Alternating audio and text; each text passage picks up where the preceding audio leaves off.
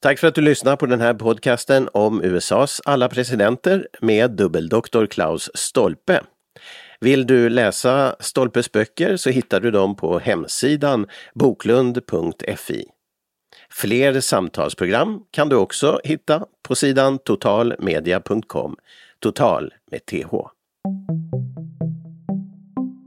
Ladies and gentlemen, our national anthem. Mr. President. I, John Fitzgerald Kennedy, do solemnly swear. I, Barack Hussein Obama, do solemnly swear. So help me God. Free at last! Free at last! Thank God Almighty!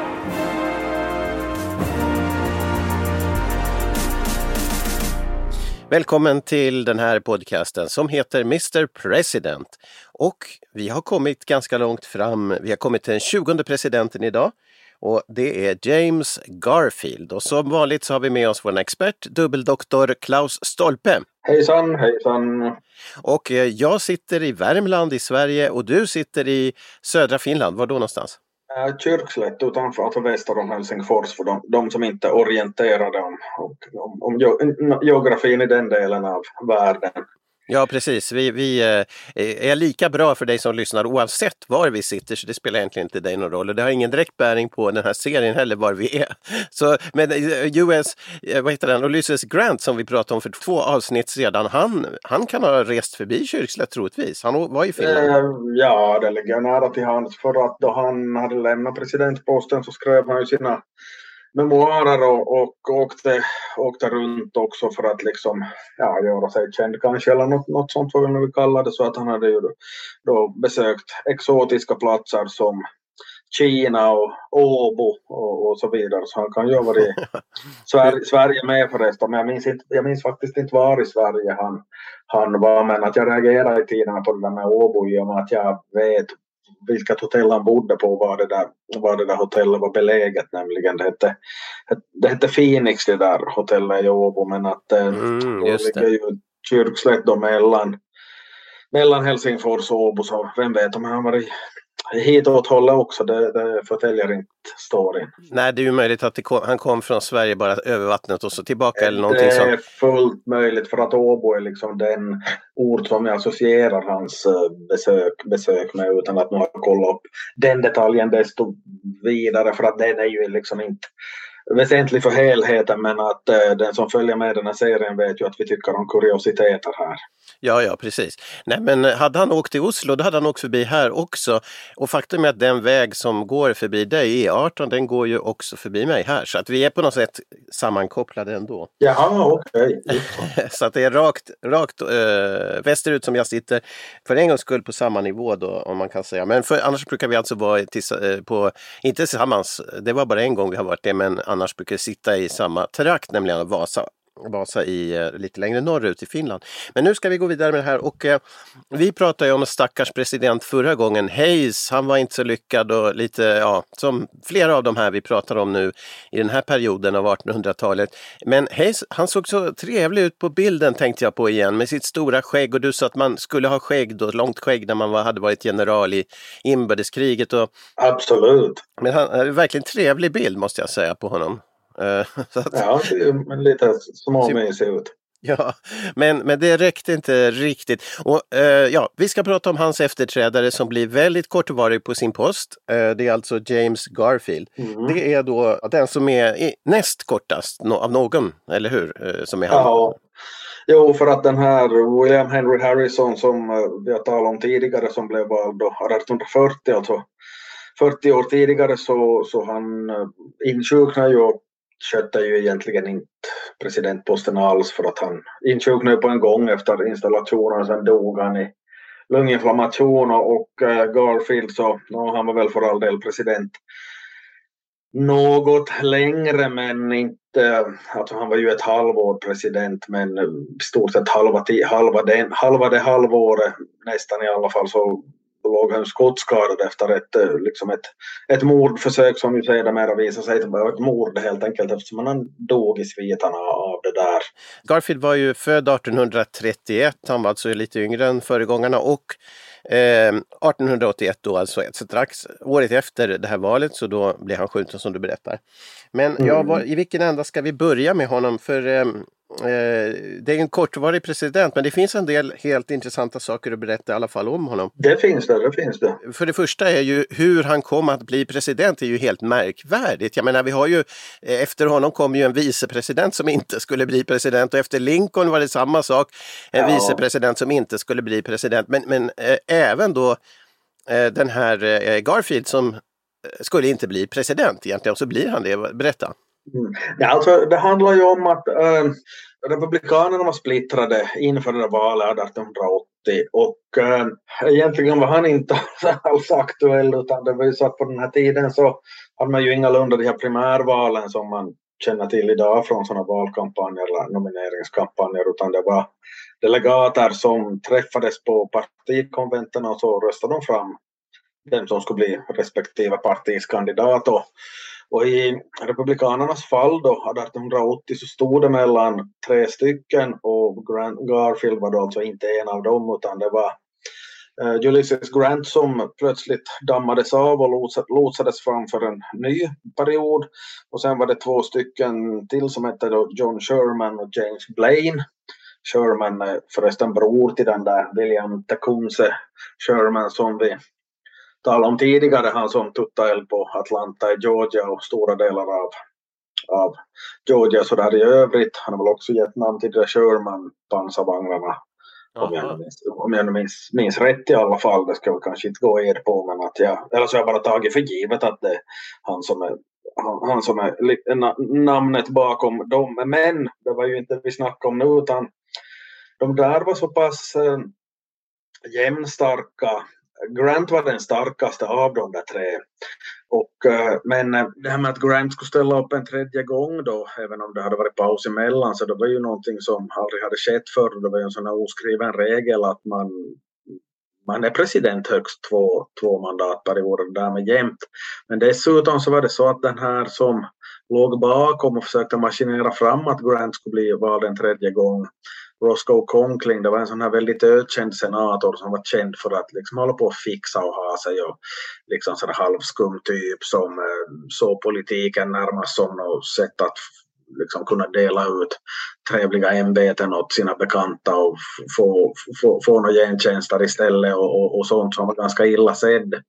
Och då, då blev det ju på det viset att eh, det var ändå ingen som var tillräckligt stark för att få, för att få en majoritet av, av eh, de här delegatsröstarna på, på partikonventet. Och Garfield var alltså definitivt inte då tänkt som kandidat men han var bra bekant med den här Sherman och väl tydligen också med James Blaine men att eh, han hade då tagit parti för Sherman och eh, hade hållit då ett anförande och förklarat varför Sherman skulle vara så lämplig som president.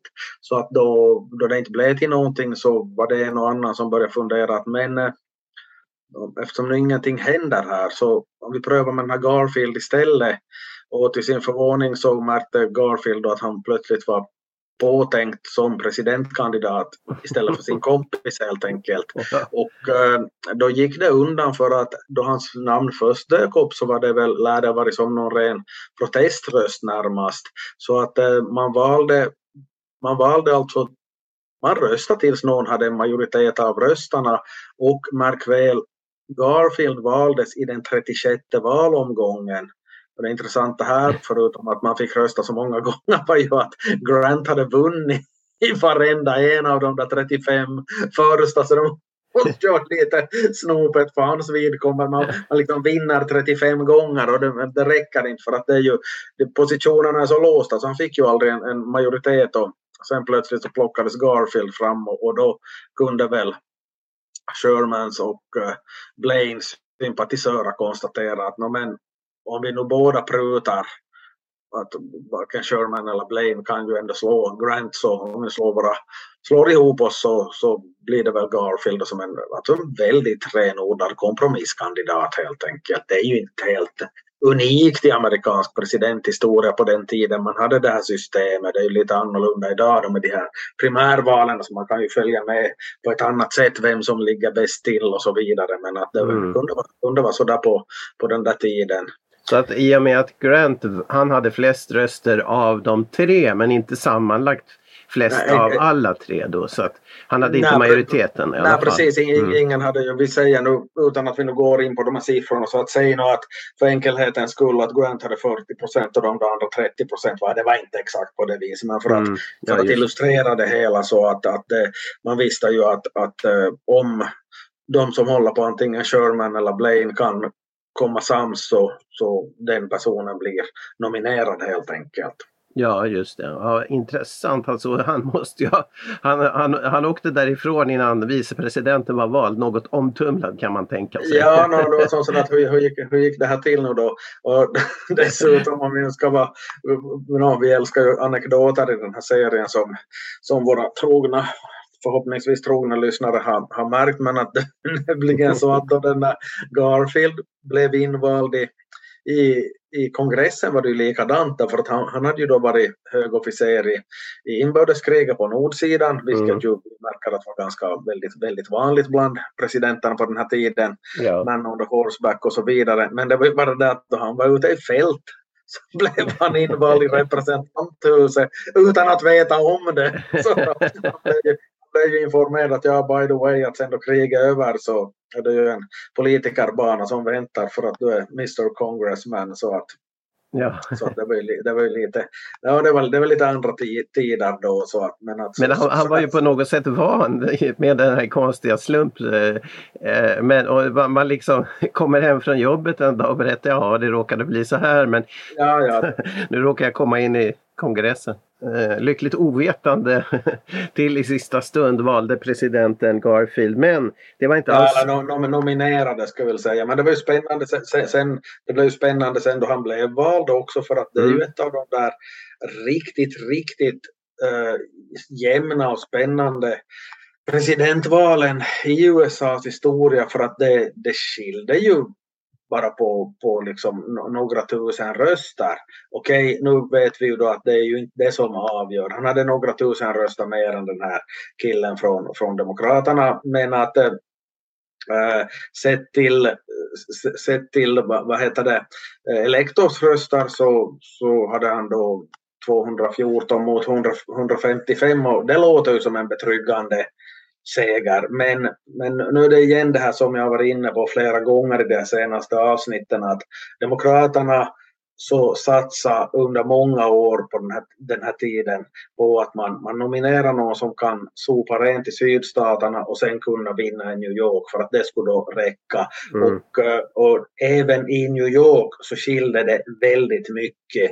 Det var en som hette Hancock som var, som var som var nominerad för Demokraterna. Han vann då i sydstaterna och var, eh, det skilde på lite mindre än två procentenheter i New York och, och det var 35 elektorsröster där så att, att eh, och, och det skulle ha gått så att Hancock skulle ha vunnit i New York så skulle han då ha blivit, blivit vald för då skulle han ha fått ja, 190 mot ja, vad, vad, det nu blir då, 179 eller nå, nå, någonting i den där stilen. Så att, så att det, var, det var liksom verkligt på, på håret. Mm. Och, och det har ju ibland hänt att, att, att en president har blivit vald utan att, utan att ha haft flest röster och här var det ju väldigt, väldigt nära, nära faktiskt för att det var, det var nog som så tajt som det kunde bli helt enkelt. Men eh, ja, han kommer från Ohio, eller hur? Och det är flera presidenter i den här tiden som kommer därifrån. Vad, vad kan det bero på? Det beror på att det eh, ligger geografiskt väldigt rätt till därför att det är ju en för, förvisso en nordstat men det gränsar ju sen till, till, till södern helt enkelt så att, att eh, det kan vara en lä- lämplig sådär kompromiss. Man är lite sådär, ligger lite sådär lagom till att någon, någon från vad ska vi hitta på Massachusetts eller något sånt där uppe i norr så kanske skulle vara, lite som så att ja men det är någon sån där nordstatssnobb men Ohio är mera liksom sådär landsortspräglat och ändå ligga nära nära södern så man kan ju tänka sig att en sån person är, är lite mer känd där också och kan liksom bli accepterad och så Mm. vidare. Så att det, det f- finns, det låter kanske lite konstigt men att jag, det är knappast en, en det är knappast en slump. Och, alltså, totalt sett så har rätt många presidenter kommit från just Ohio men att här var det ju rätt så extremt därför att både Grant och Hayes så, så var också från Ohio så att här, mm. var det ju, här var ju faktiskt tre presidenter i rad. Som, som förr när de kom från Virginia alla? Ja, men, men, men, precis. Och just med de här Grant Hayes och Garfield så var det ju också intressant att, att de hade ju de, de hade ju varit ganska framstående poster i nordstatsarmén. Grant är den som vi känner igen, känner till, men att också Hayes och Garfield så hade ju var ju alltså höga officerare. Hur var han som person? Han var, han var rätt bildad den här Garfield, eller hur? Ja, alltså det verkar nog som det skulle vara en, en liksom smart kar helt enkelt. Det sägs att han, han kunde skriva med, med båda händerna samtidigt och var det nog grekiska med en hand och latin med den andra och det må nog vara hur det vill med, med, med, med, med den saken men att så, så påstås det i alla fall. Skulle han ha varit en bra president? Jag kan tänka mig det att han, han hade bland annat så försökte han få till stånd någon sån här konferens mellan de här staterna, statsöverhuvudena i, i Nord och Sydamerika, vilket ju var, no, det är väl inte något, inte skulle vi väl reagera desto mer på det idag, men att tydligen före sin tid med, med sådana grejer. Ja, ja. Och jag menar att, att hans tal ledde till att han blev nominerad, det, det kanske är, tyder på en, en, ja, en stor talang, möjlighet. Det, det, det tyder det ju nog på, jag vet ju inte vad han har sagt i det där talet, men att det, jag menar de, de singlar ju inte slant om vem de skulle ha som som kompromiss helt enkelt. Ja, även om det var en kompromiss i sig. Men, men, jo, ja. jo, jo, jo visst, men det, det, var det ju. Men att jag tror nog att man liksom snackar ihop sig. Låt vara att, att namnet kastat, ska, ska ha kastats fram av någon närmast proteströsta men att sedan, sedan då sa att hej, väntas nu att, att vi får varken Sherman eller, eller Blaine. Mm. Vem, vem ska vi ta? No, men vi, vi prövar med Garfield och då, då lyckades det liksom på, på en gång så att han måste ju nog ha gjort väl ifrån sig tycker man. Och speciellt mm. eftersom eh, det nu inte var något sånt där tjuv och rackarspel med så tillvida att han själv skulle ha haft några ambitioner åt det där hållet. Han var neutral i, i, valet, i situationen. Men eh, eh han, eh, var det han som var den första som hade hund? Man tänker att han borde haft katt som hette Garfield. Men, men var det han som införde den här traditionen med hund eller hur var det nu igen? Det vet jag, det vet jag. No, många andra kan väl ha haft hundar också. Orsaken att jag känner till Garfields hund så att jag tycker att den har ett, har ett helt fantastiskt namn för den hette nämligen Veto. Alltså Vito. ja, presidenten, presidenten har ju vetorätt helt enkelt. Ja, det var ju bra förstås. det är ju lämpligt. Det var förresten en, en Newfoundland-hund, en sån där storhårig sak. Ja, ja, okej. Okay. Men du är mer kattmänniska vad jag förstår. absolut. Eh, en sak kring det här med, eh, vi har ju sett förut hur korruption och grejer börjar i den här tiden och det är mycket, vad jag säga, lite fuffens på gång och det kommer ju senare regler om det här just i slutet av, av 1800-talet i USA. Men eh, han, det var så att trots att han verkade renhårig så under valkampanjen, alltså efter att han är nominerad, så var det någonting med det här 329 de skrev på väggar. Det var någonting korruptionsgrej. Alltså. Jo, det var ju det här alltså att eh, medan Grant var president så, så var det ju diverse sådana mutskandaler hit, hit, hit och dit.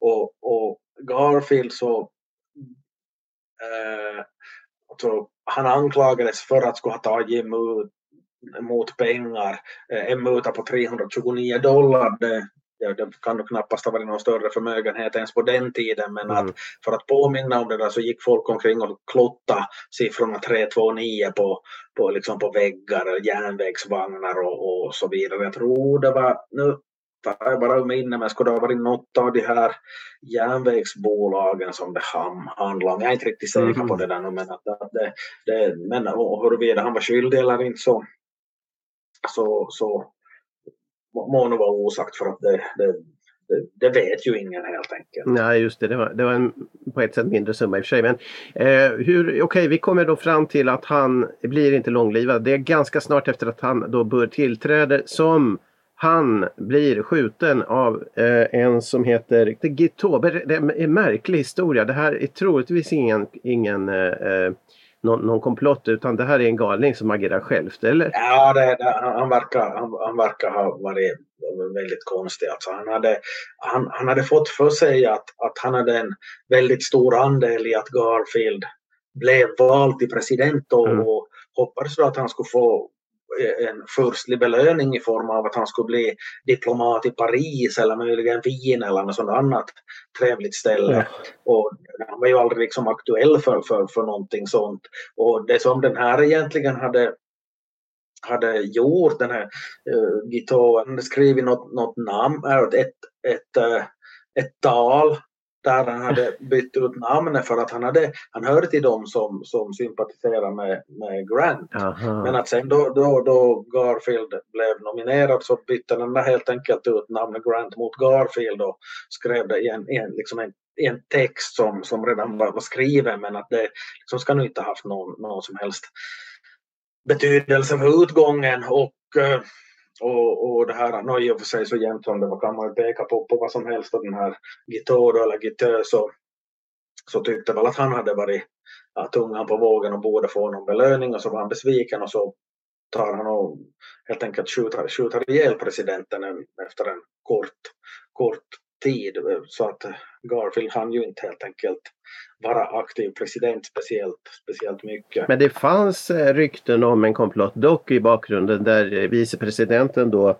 Arthur eh, fanns ihopkopplad med den där Krångel, Mr Krångel igen vad han hette.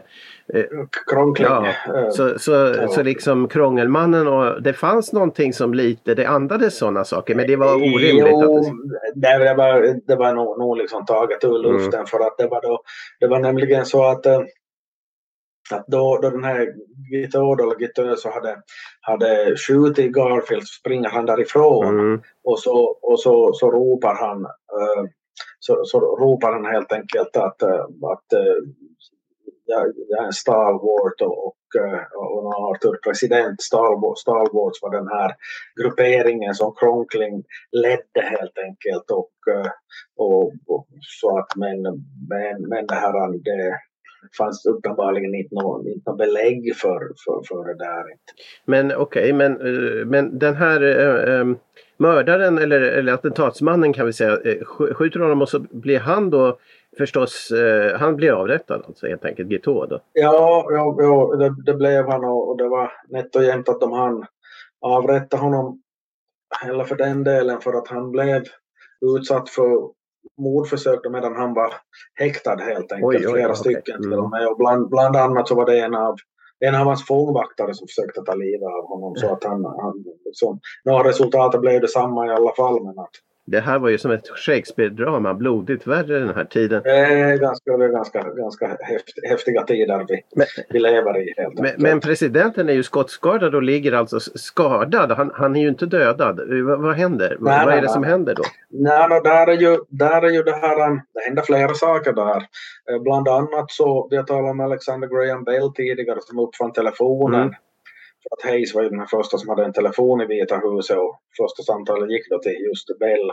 Men eh, de, försöker, de vill ju få ut kulan ur kroppen och, och, och, och då uppfinner eh, Bell en metalldetektor. Det, det, det lär ska ha varit den första metalldetektorn för att liksom kolla den vägen var kulan finns.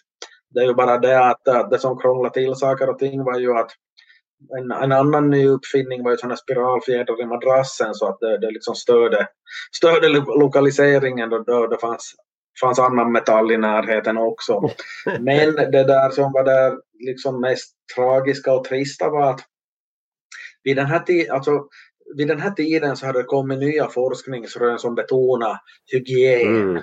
Att man, man ska inte som gräva med skitiga fingrar i ett öppet sår helt enkelt. Det, det är en självklarhet idag, hoppas jag, Mm. eh, för, för alla. Men att det var inte en självklarhet då och denna Khan som, som ledde alltså vården av, av presidenten, så han ignorerade de här nya och tyckte att det var något trams och nymodigheter så han höll ju på att peta med fingrarna i det där såret och helt enkelt påskyndade presidentens hedangång. Ah. Så att det slutade med att för, förutom, att förutom att presidenten som vi då vid det här laget vet dog så, så fick han ju inte något betalt för att då han skickade räkningen så vägrade kongressen att, att det här han eh, betal, betalade arvodet till den här läkaren för man menar ju att någon som kanske inte riktigt skött ditt jobb så himla bra utan det, det är liksom ditt fel att han dog helt enkelt. Mm, just det, okej. Och- borde ha beaktat de här nya rönen om vikten av hygien och använt någon form av instrument av något slag för att någon, någon tång eller någonting sånt för att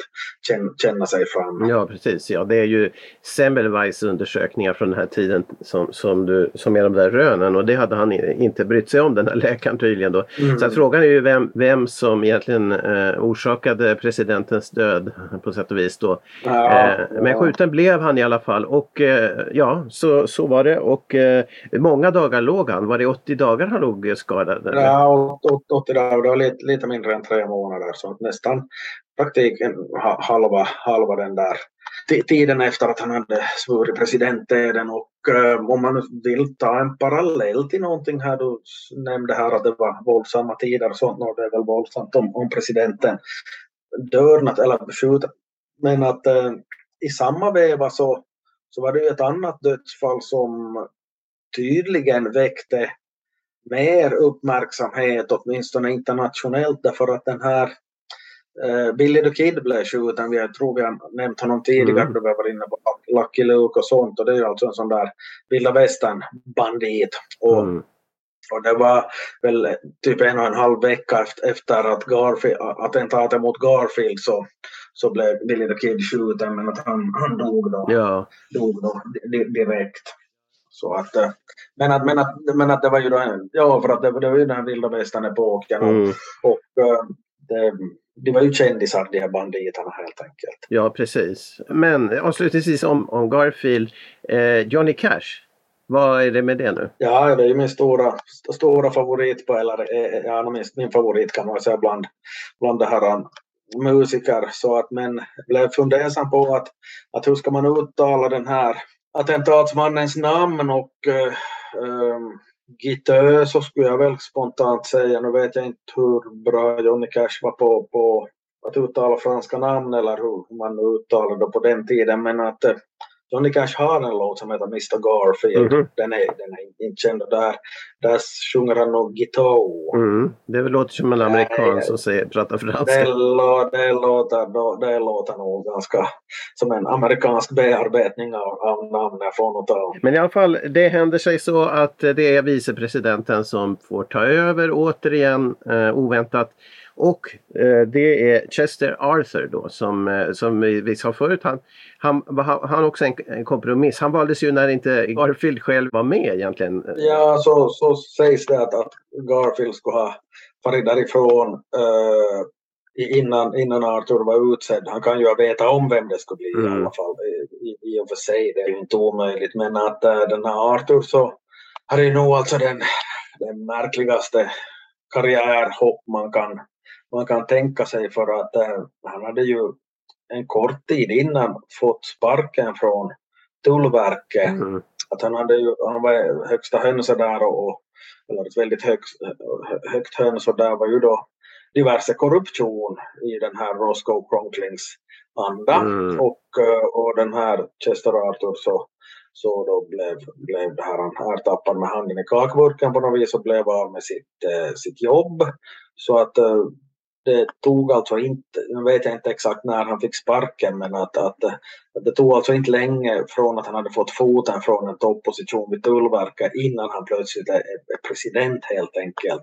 Och, eh, så, så, att det var inte bara det att Garfield blev, blev framlotsad som en kompromiss utan Arthur blev det i högsta grad också för att inte splittra det här partiet. Jag nämnde ju det här Stalwards, alltså den här fraktionen ledd av den här Conkling som, eh, som helt enkelt äh, ja, den här Arthur hörde ju till den, den, den fraktionen så att det lämpligt då att plocka in en av, en av dessa som vicepresidentkandidat för att, för att helt enkelt hålla ihop partiet. Och så jämnt som det var så kan det ju mycket väl vara så att, att det är det som har på något vis bidrog till, till, till segern också. Så att, men, men den, den, den, den vägen var det. Och, men sen så, så om det var överraskande att, att Garfield blev president och Arthur vicepresident så en jättestor överraskning var ju att då, då den Arthur hade tillträtt så, så trodde ju folk att no, det är den här Conkling som, som bestämmer helt enkelt att den är ju bara någon springpojke till, till, till, till, till den här. Men men det här, eh, den här Arthur så då han väl hade då presidentposten, eller satt på presidentposten, så tog han ju avstånd från sin gamla sin, sin gamla där han beskyddade. Ja. Så att, så att det, den där, den där Conkling så, så liksom lämnar ju där med lång, lång näsa helt enkelt. Mm. Ja, det ju... Och, se, och sedan en, en jätteintressant grej är ju att, att, eh, att då, då det här eh, inför man någonting som det brukar kallas för Pendleton Act. Pendleton Civil Service Reform Act heter det egentligen och det kan man förstå av namnet och vad det handlar om. Alltså en, en reform av förvaltningen var man betonar liksom kompetens snarare än liksom nätverk, att betona liksom formell kompetens, att det inte ska gå på kontakter vem som får höga poster och sånt. Och det är ju ett det är ju ganska lustigt att, att den här Arthur av allihopa är den som pläderar för någonting sånt. För han var ju själv produkten av, av det där med att man fick, fick tjänstetillsättningar eller vicepresidentnomineringar på, på märkliga grunder helt enkelt. Så det var ju det liksom han, han överraskade ju på ett positivt sätt. Och uh, en annan grej också, nu ska vi komma ihåg att, att om vi säger så här att om, om om ändå som följer med den här serien, vilket jag ju förstås hoppas att jättemånga gör, så känner man kanske inte till alla presidenter och om det är någon, någon eller några man inte känner till så månne nu inte Chester Arthur är en av de mest okända presidenterna som finns. Uh, liv livsöde är ju otroligt speciellt i och för sig. Men, men att förutom det här med Pendleton, förutom det här konstiga att han blir vicepresident och sedan president på ett konstigt sätt och det här paradoxala i att han i att han, det här, han uh, pläderar för den här Pendleton-lagstiftningen eh, så bidrar han ju till att göra USA till en militär stormakt på ett sätt som han kanske knappast nu fattar själv. För eh, att eh, under honom så moderniseras flottan. Så det är helt enkelt så att man, man skrotar gamla träfartyg och nu är det liksom stål och ångmaskiner som, som gäller. Och eh, en relativt kort tid efter, eller relativt relativt, men där i, i slutet, då har var 1800-talet, då är Arthur redan död för han lever ju inte så länge. Men det kan vi återkomma till. Men då blir det det här spansk-amerikanska kriget var spanjorerna totalt chanslösa just på grund av att amerikanska flottan är så helt enkelt så överlägsen. Mm. Och det, det innebär också slutet på Spaniens tid som stormakt. De tappar framför, framförallt Kuba är det som vi associerar med det här kriget men att också Filippinerna och Guam och några andra ställen blir det helt enkelt bortjagade från. Ja. Vi har diskuterat inbördeskriget väldigt mycket mm. men att eh, och det, det är orsak till det också för det präglar så lång tid efteråt också. Men att vid den här tiden så har ju inte USA någon utrikespolitik att tala om. Så att det är intressant att man ändå tar tillfälle i akt att modernisera flottan så som man gjorde. Men att eh, tänkte väl att no, världen blir mer och mer globaliserad eller internationell så att det kan, kanske är bra med, med, med flotta. Och det, det kunde man ju se, se påtagligt sen icke allt för många år efteråt. Jag tänkte på det att han, dels var han uppkallad efter sin läkare, det är mycket läkare i de här. Och, och att han, ja. Jo, det här han, uh, jag vet inte om det var några komplikationer vid förlossningen men han, han är alltså döpt efter, efter den här läkaren som såg till att förlossningen gick, gick vägen och, och jag, jag känner inte till något annat fall var någon skulle, var någon skulle ha blivit, blivit, blivit döpt efter förlossningsläkaren. Vad vet jag, det kan ju vara, kan ju vara vanligare än man tror men att det, det är inte någonting som jag känner till. Nej, nej, precis. Men, men faktum är att beträffande den där förlossningen så finns det en annan intressant grej också för att eh, han råkar ut senare för samma samma missöde eller öde eller anklagelser som Barack Obama att han inte skulle ha varit född i USA för det måste man ju vara för att, för att bli eh, president. Ja, just det. Mm. Och, eh, och, och det här, det var Alltså han föddes i Vermont, alltså uppe i nordost. Men att eh, det var en del som påstod att han var född på Irland och andra att han var född i Kanada. Mm. Men att det var ty tydligen oklart fall att han var född i, född i Vermont i alla fall. Mm.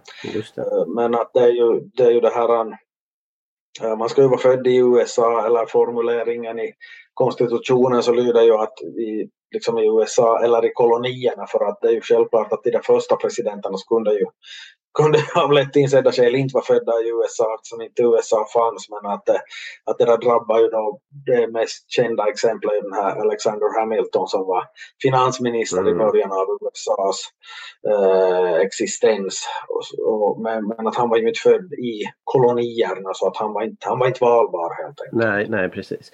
Men Arthur annars så, så det som framträdde vad jag förstår det är att han var ganska social. Alltså han hade såna, sån läggning eller?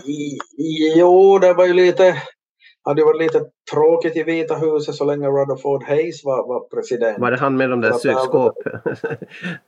Ja, Nej, Lemon enligt Lucy, enligt- en- Enligt, enligt Lucky Luke så skulle han ha varit skåpsupare men det finns ju inte belägg för det. Men att hans, hans fru kallades för Limonad Ja, Lucy just för det, att hon tillät ju inga starkvaror. Men att den här var ju då mera för sådana bjudningar och sånt och piffa upp presidentbostället också. Eh, men ja, vi talade ju här senast om att den här Hayes fru som var den första som kallades för First Lady.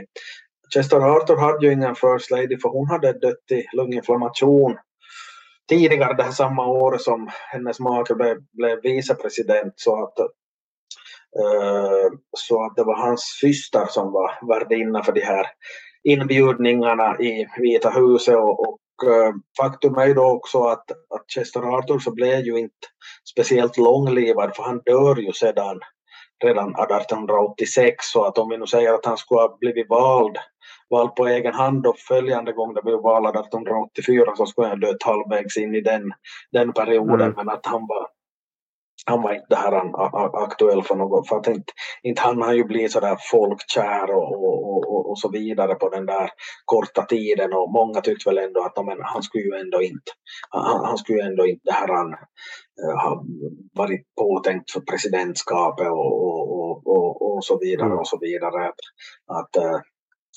att han, eh, ja vad ska jag säga, säga mer, mer, om det. Men att just som du var inne på så att den där sociala biten av presidentskapet som verkar vara det som han kanske då uppskattar mest med sitt något oväntade uppdrag. Men beträffande det här med, med att ordna de där trevliga festerna i, i, i Vita huset som det inte hette officiellt Vita huset då ännu, även om det var vitmålat. Men, men han hade piffat upp, piffat upp det här presidentbostället och det sånt kostar.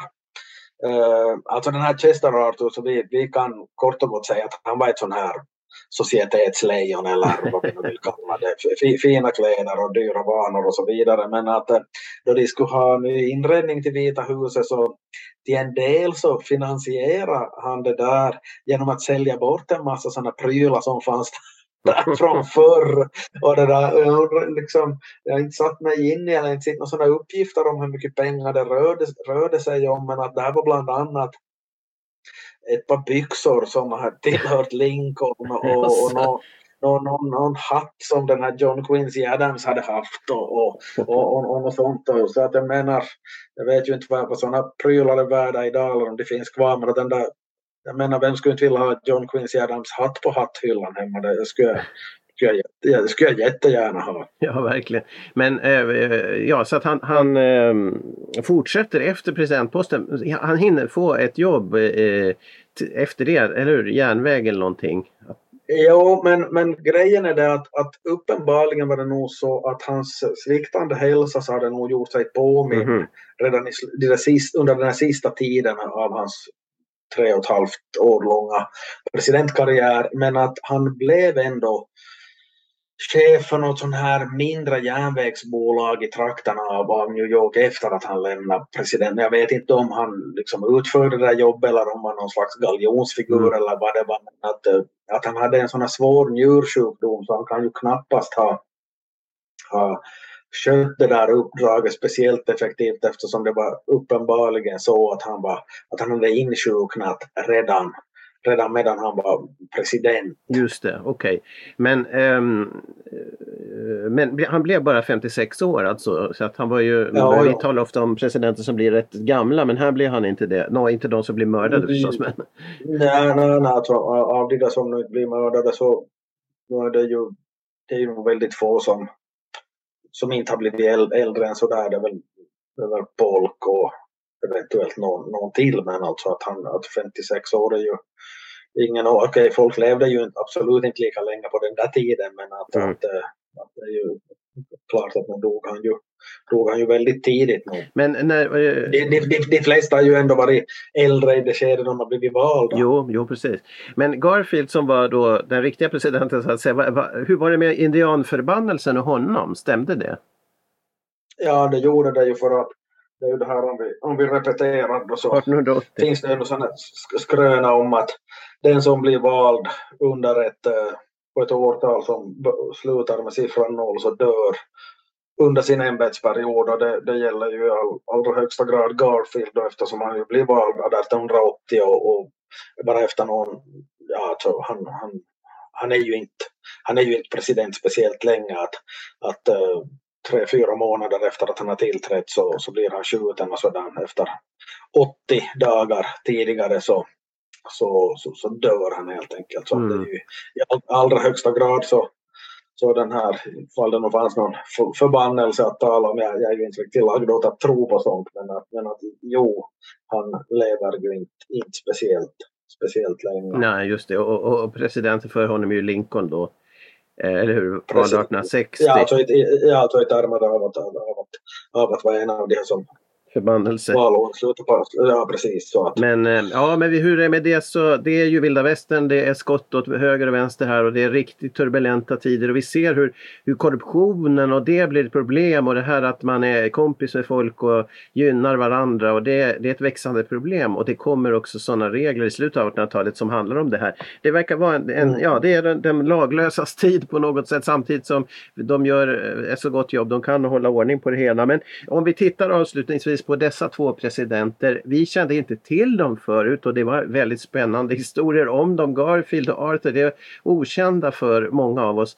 Var hamnar de i poängerna och eh, hur, hur liksom har de klarat sig? Det, det, Ja, alltså den här, den här då, då jag då i tiderna skrev en doktorsavhandling om dessa presidenter så betygsätter jag dem då och så vidare. Men att eh, Garfield så valde jag att inte betygsätta Mm, ja, just, eh, eftersom han var så kort tid president. Så att det är ju, det är ju två stycken som jag har lämnat bort från den där betygssättningen och det är ju då, det är ju då Garfield och sen också den här Harrison, alltså den här första som, som drabbades av den här påstådda indianförbannelsen. För han, han var ju ännu kortare tid, tid president. ja. Arthur så, så, så han, han, man kan ju inte, alltså han var ju, ska vi säga någonting riktigt positivt om honom så han klarar ju sig betydligt bättre än vad folk trodde men att inte är han ju heller någon sån här legendarisk president för att det var ju inte någon sån här, vad ska man kalla det, enorma utmaningar i termer av något krig med dåliga odds eller något, sånt så att han,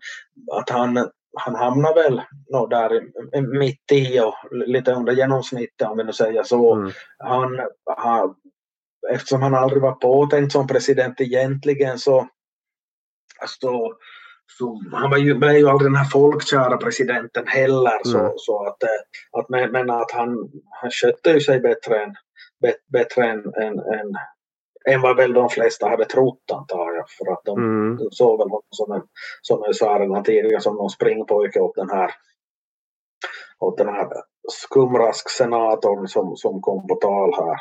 Ska vi nu nämna någonting om, om Garfield ännu så, så finns det ju en seriefigur som heter Gustav, alltså en fet katt. Mm. Eh, jag tycker ju bättre om katter än om hundar, vilket torde ha framgått här. Och, och den där Gustav, så han heter ju Garfield i originalversionen och då börjar jag fundera naturligtvis att kan det, kan det vara, finnas någon koppling här? Och jag tror att det finns en koppling för att den här, han som har han som har ritat Gustav eller Garfield så, John Davis heter han, så han, han döpte katten efter sin farfar. Mm. Och far, far, farfar hette James Garfield Davis.